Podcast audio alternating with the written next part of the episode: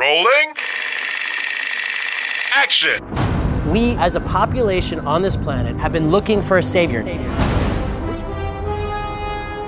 You think you know your movie?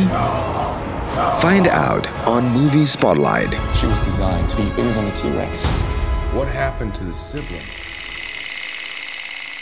Saya Nini Tunita, penulis skenario film dan juga penulis novel. Di Movie Spotlight edisi film dan sport ini, saya akan membahas sekaligus merekomendasikan film-film bertema olahraga untuk mengisi waktu luang Anda bersama keluarga di bulan ini.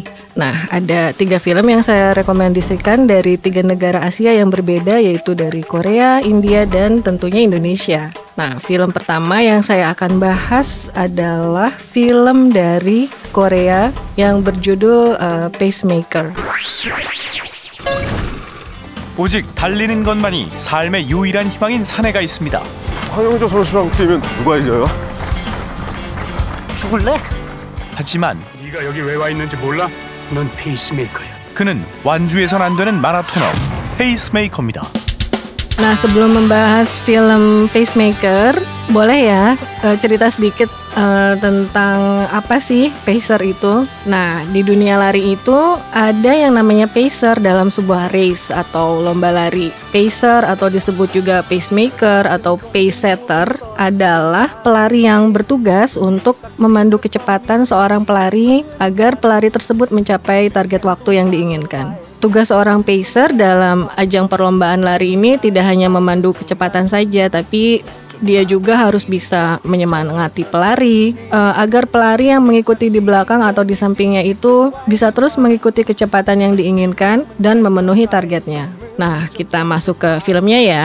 Pacemaker bercerita tentang Ju Man Ho adalah seorang yang dulunya pelari maraton dan dia terpaksa berhenti karena cedera yang dialaminya. Jumanho ini bekerja sebagai delivery guy untuk sebuah restoran milik temannya.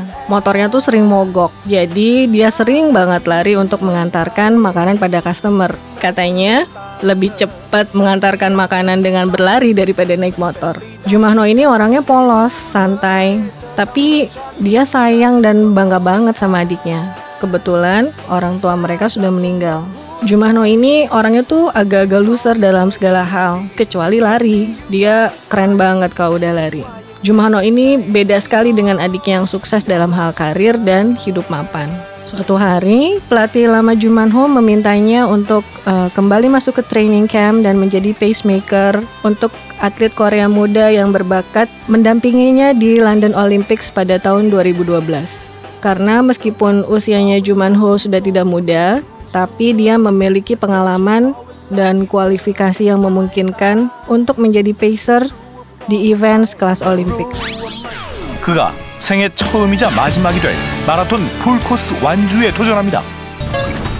페이스메이커 단지 Adiknya sempat mengira kalau Jumanho itu akan menjadi pelatih. Begitu tahu ternyata Jumanho kembali jadi pacer, adiknya agak-agak kecewa dan bilang, kok nggak capek sih lari untuk kemenangan orang lain?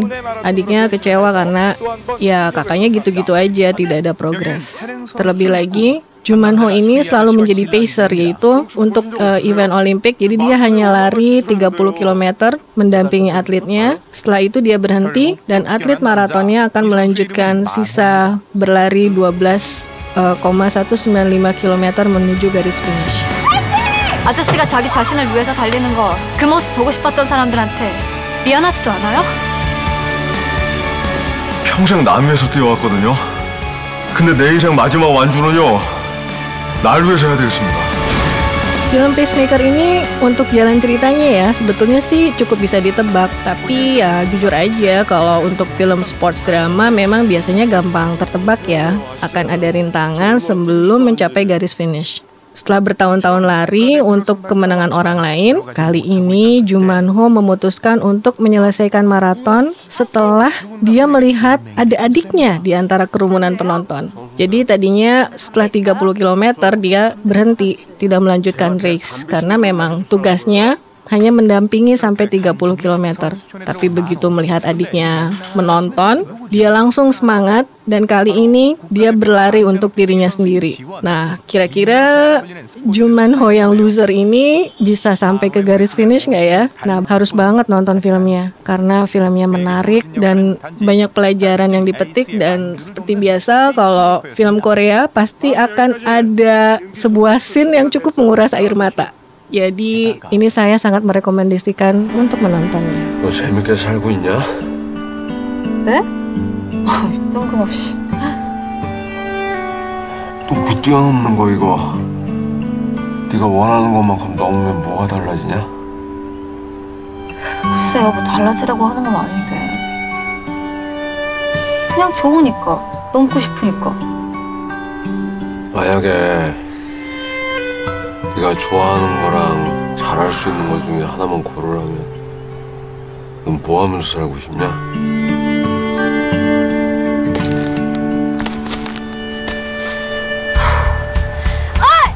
Ada beberapa fakta unik nih mengenai film Pacemaker. Film Pacemaker ini masuk tiga nominasi untuk kategori aktor terbaik, sutradara pendatang baru terbaik, dan aktris pendatang baru terbaik. Nah, sebagai pemeran Joo Min Ho, aktor Kim Myung Min harus lari 15 km setiap hari dan berapa listeners tahu nggak? Ternyata berat badannya turun sampai 4 kilo loh selama syuting ini. Jadi cukup berat juga ya. Ada satu bagian di film Pacemaker ini yang menurut saya menunjukkan jiwa sportivitas yang tinggi. Jadi di eh, bagian akhir film ini kita akan melihat Juman Ho pantang menyerah, benar-benar sampai titik darah penghabisan. Dia memberikan eh, usaha yang semaksimal mungkin yang dia bisa. Dengan dukungan dari keluarga satu-satunya yaitu adiknya, Juman Ho bisa menyelesaikan race kali ini membanggakan negaranya dan yang paling penting kali ini dia lari untuk kemenangan dirinya sendiri. Menurut saya ceritanya bagus ya film Pacemaker ini. Di film Korea biasanya ada bagian yang super mengharukan. Sama juga di film Pacemaker. Penggarapannya juga sangat serius dan terlihat dari beberapa scene saat race terutama di Olympics 2012 di London yang sangat bagus membuat kita ikut juga merasakan bagaimana sih atmosfer saat Olympics seru banget. Film selanjutnya yaitu film yang datang dari India berjudul Dangal. Film ini diproduksi pada tahun 2016 dan disutradarai oleh Nitesh Tiwari. Bintang filmnya, bintang film favorit saya, Amir Khan. Dangal adalah film yang diangkat dari kisah hidup Mahavir Singh Phogat yang melatih dua anak perempuannya, Gita Phogat dan Babita Kumari untuk menjadi pegulat India kelas dunia pertama. Kebayang ya seru. Biasanya kalau gulat itu identik dengan olahraga laki-laki. Nah ini perempuan loh. मन में कोई मलाल रह गया हो तो एक बार और कोशिश कर ले Mahavir Singh Phogat pernah gagal mempersembahkan medali emas untuk negaranya, yaitu India, karena tidak didukung oleh keluarga untuk menjadi pegulat. Jadi dia masih nggak bisa move on kayaknya. Dan dia bertekad bahwa kelak kalau punya anak laki-laki, anaknya itu harus meneruskan cita-citanya untuk meraih medali emas untuk India. Ternyata Mahavir Singh Phogat tidak dikaruniai anak laki-laki. Sebaliknya, dia memiliki empat anak yang semuanya perempuan. Jadi saat itu dia merasa, wah udah nih, kayaknya udah nggak ada harapan lagi. Anaknya meneruskan cita-citanya untuk menjadi pegulat dan mempersembahkan medali emas untuk India. आज से तुम दोनों पहलवानों की जिंदगी जियोगी Tapi suatu hari eh, istrinya laporan nih sama dia bahwa ada anak tetangganya yang babak belur karena ternyata ribut-ribut sama dua anak perempuannya.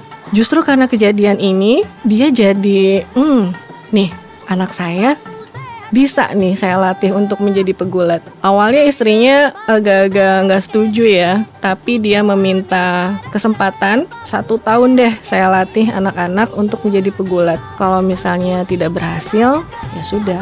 Akhirnya istrinya sih setuju. Tujuh juta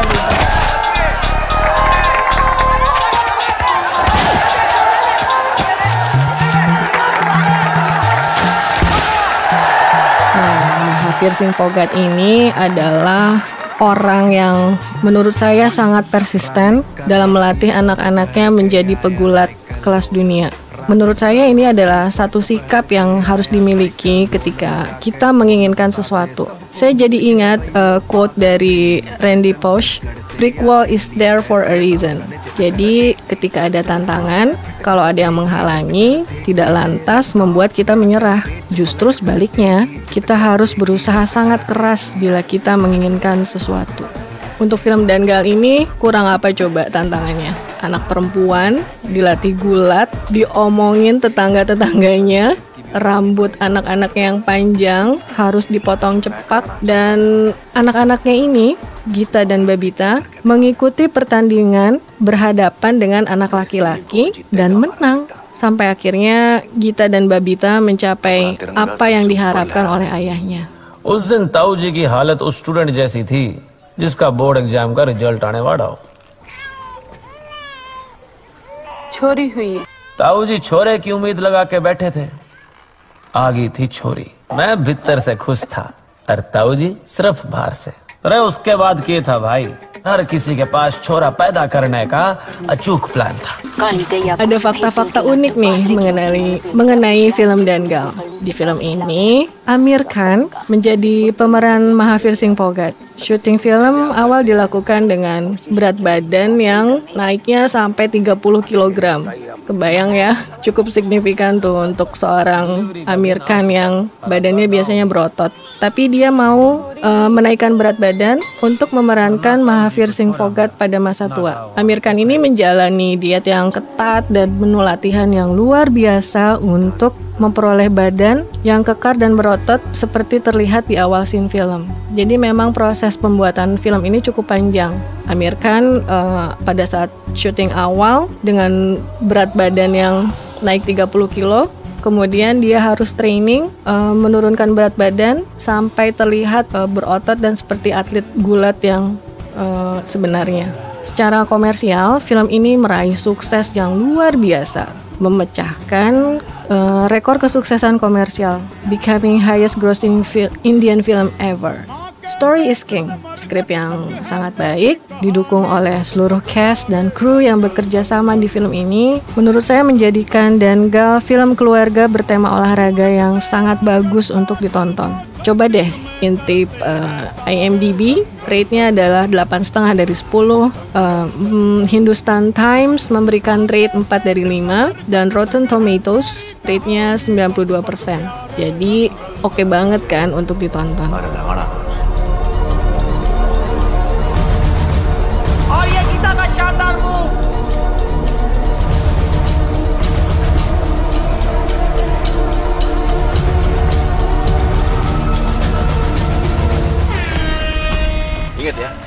Pokoknya awal-awal lo mesti Jangan ngebut, hemat energi.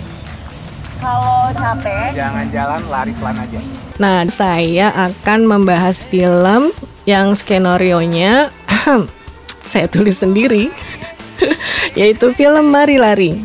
Film ini disutradarai oleh Delon Tio dan diproduksi pada tahun 2014. Tinggal sama siapa, Nis?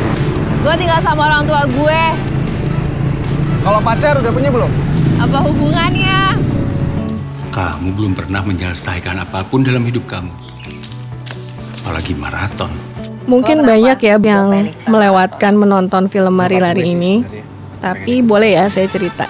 Film Mari Lari ini berkisah tentang Rio, seorang laki-laki. Rio ini anak tunggal dari pasangan atlet lari. Memiliki orang tua atlet yang sukses, ternyata nggak bikin Rio mengikuti langkah orang tuanya. Rio ini sering tidak menyelesaikan apa yang telah dia mulai. Jadi misalnya waktu kecil dia ikut les piano, taekwondo, tapi nggak pernah selesai, selalu berhenti di tengah jalan. Alasannya capek lah, bosen lah, dan orang tuanya selalu mengiyakan. Berharap dengan berganti kegiatan lain, Rio bisa menyelesaikan. Tapi ternyata nggak juga. Sampai SMA, Rio sempat minta untuk ikut summer school di Australia. Tahu-taunya baru beberapa hari Rio telepon ke ibunya minta pulang dengan alasan katanya dingin. minta pulang besok. Oke, ibunya mengiyakan juga. Bapaknya Tio mulai kecewa dan kesal sampai akhirnya dia memberikan peringatan pada Rio. Kalau kuliah sampai DO, maka Rio harus angkat kaki dari rumah. Bu, Rio pengen homestay di Australia.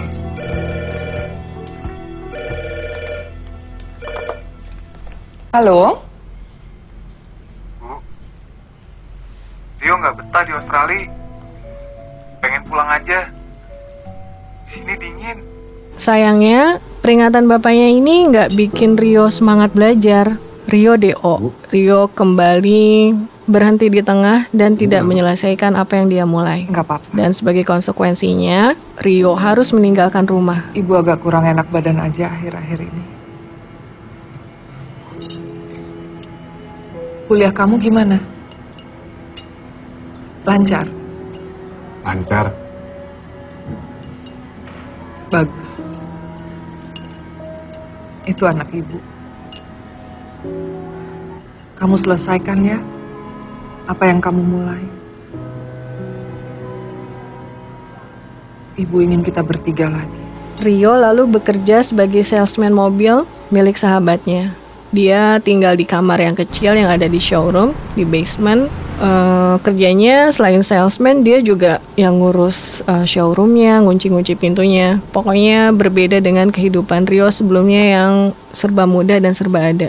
Di sini atas permintaan ibunya, Rio melanjutkan kuliah di jurusan yang berbeda. Suatu hari, ibunya Rio sakit dan sampai akhirnya meninggal. Di pemakaman, Tio, bapaknya Rio, memberikan kunci di atas makam.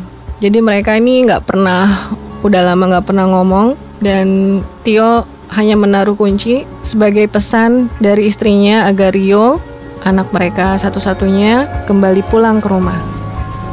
Rio kangen sama ibu. Skripsi Rio udah jalan tuh bu. Rio juga udah mulai lari. Dan mudah-mudahan Rio selesaikan. Rio pengen jadi anak yang bisa bikin bangga orang tuanya. Walau mungkin terlambat. Rio akhirnya memilih untuk pulang ke rumah, memenuhi permintaan almarhumah ibunya. Sampai di rumah, Rio membuka album foto lama milik orang tuanya dan dia melihat foto-foto orang tuanya saat maraton. Di situ dia terkesan, wow, orang tuanya maratoner dan ini keren banget.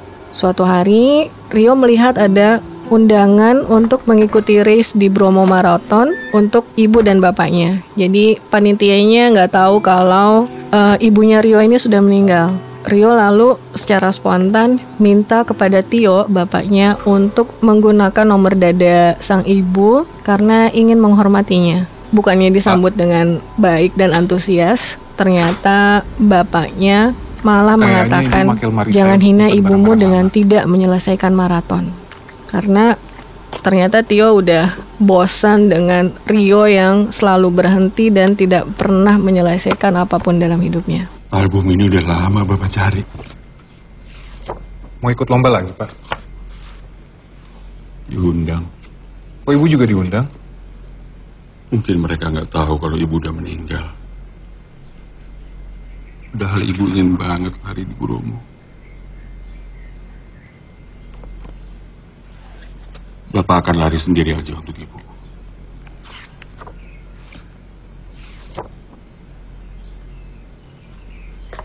Pak, saya juga mau menghormati Ibu. Saya juga mau ikut maraton ini. Saya pakai nomor Ibu ya, Pak. Kamu belum pernah menyelesaikan apa pun dalam hidup kamu. Apalagi maraton. Hmm, kira-kira Rio bisa nggak ya mendapatkan nomor dada milik ibunya dan berlari maraton bersama Tio sang bapak? Film Mari Lari ini diproduseri oleh Yasha Hatap, teman saya, pelari yang juga merupakan co-founder Indo Runners. Dan film ini juga disutradarai oleh Delon Tio dan film ini adalah film pertama yang disutradarai oleh Delon karena biasanya Delon Tio ini adalah sebagai produser. Delon juga pelari, jadi saat mengerjakan film ini kami sama-sama sangat bersemangat dan senang. Terus eh, kenapa film ini menarik untuk ditonton? Karena jujur aja rasanya tidak terlalu banyak film Indonesia yang bertema olahraga yang mengangkat olahraga lari. Yang terakhir cukup familiar itu uh, adalah Gadis Maraton. Nah, film Mari Lari adalah jawaban dari sekian tahun kosongnya film Indonesia yang bertema lari. Beberapa kali saya mendapat email atau DM dari pembaca novel atau penonton filmnya yang terinspirasi untuk lari setelah menonton film Mari Lari. Seneng banget rasanya. Gue kerja untuk bapak gue. Tapi kita berdua setuju bahwa gue harus mulai dari bawah. Karena gue tahu, semua orang yang sukses menjalani proses. 아저씨가 자기 자신을 위해서 달리는 거 그 모습 보고 싶었던 사람들한테 미안하지도 않아요? 평생 남 위해서 뛰어왔거든요. 근데 내 인생 마지막 완주는요. 날 위해서 해야 되겠습니다. It's a goal for Gita किसने सोचा था कि भारत के एक छोटे से गांव की लड़की पूरे विश्व पर अपनी छाप छोड़ने की काबिलियत रखती है A proud moment for India indeed. Untuk recap sedikit, di segmen sebelumnya saya sudah membahas dan merekomendasikan tiga film bertema olahraga, yaitu Pacemaker dari Korea, dan Gal dari India, dan terakhir adalah film Mari Lari yang penulis skenario-nya adalah saya sendiri. Kenapa saya merekomendasikan tiga film ini um, di Pacemaker? Dalam keluarga itu pasti ada aja sih orang yang mengorbankan kepentingan pribadinya untuk membahagiakan keluarga, bisa orang tua atau saudara. Rasanya melihat keluarga bahagia juga sudah menjadi sebuah kebahagiaan buat dia. Di film Pacemaker, kita bisa melihat hal ini terjadi.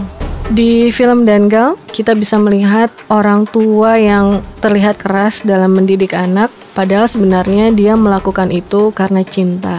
Meski kadang-kadang kita sebagai anak tidak melihat demikian.